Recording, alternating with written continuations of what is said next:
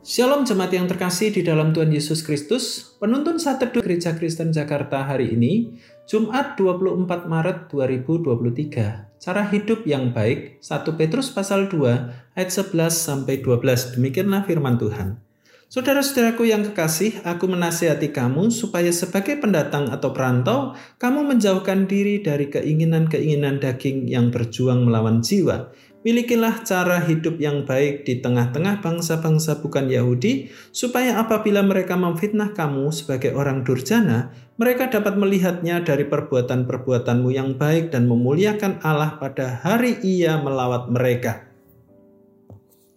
Kita tahu bahwa keadaan manusia di zaman akhir ini bukan semakin baik, melainkan semakin hari semakin jahat. Kejahatan di mana-mana terjadi, bahkan perbuatan amoral yang mencerminkan keadaan manusia yang semakin hari semakin gelap.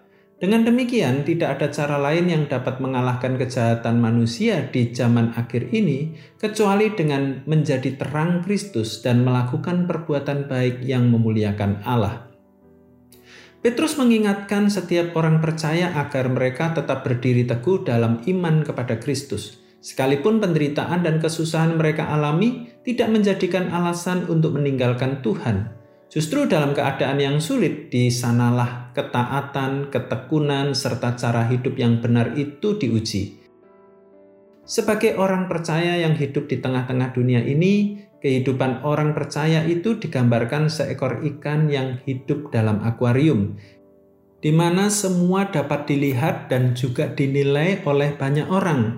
Demikian juga kehidupan orang percaya menjadi perhatian banyak orang dalam kita bertindak berkata-kata, dan juga dalam mengambil keputusan dalam hidup kita.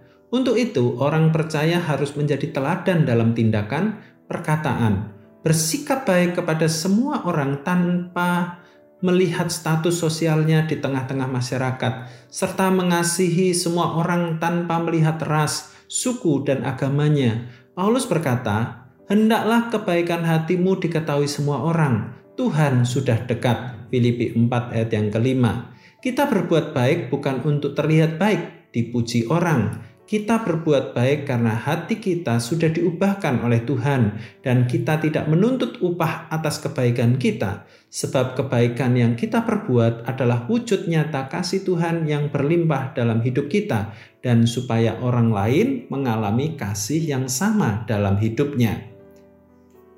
Biarlah kebaikan hati kita terpancar kepada setiap orang yang kita temui dan melaluinya semua orang dapat melihat Yesus Kristus yang hidup dalam kita. Selamat beraktivitas, Tuhan Yesus memberkati.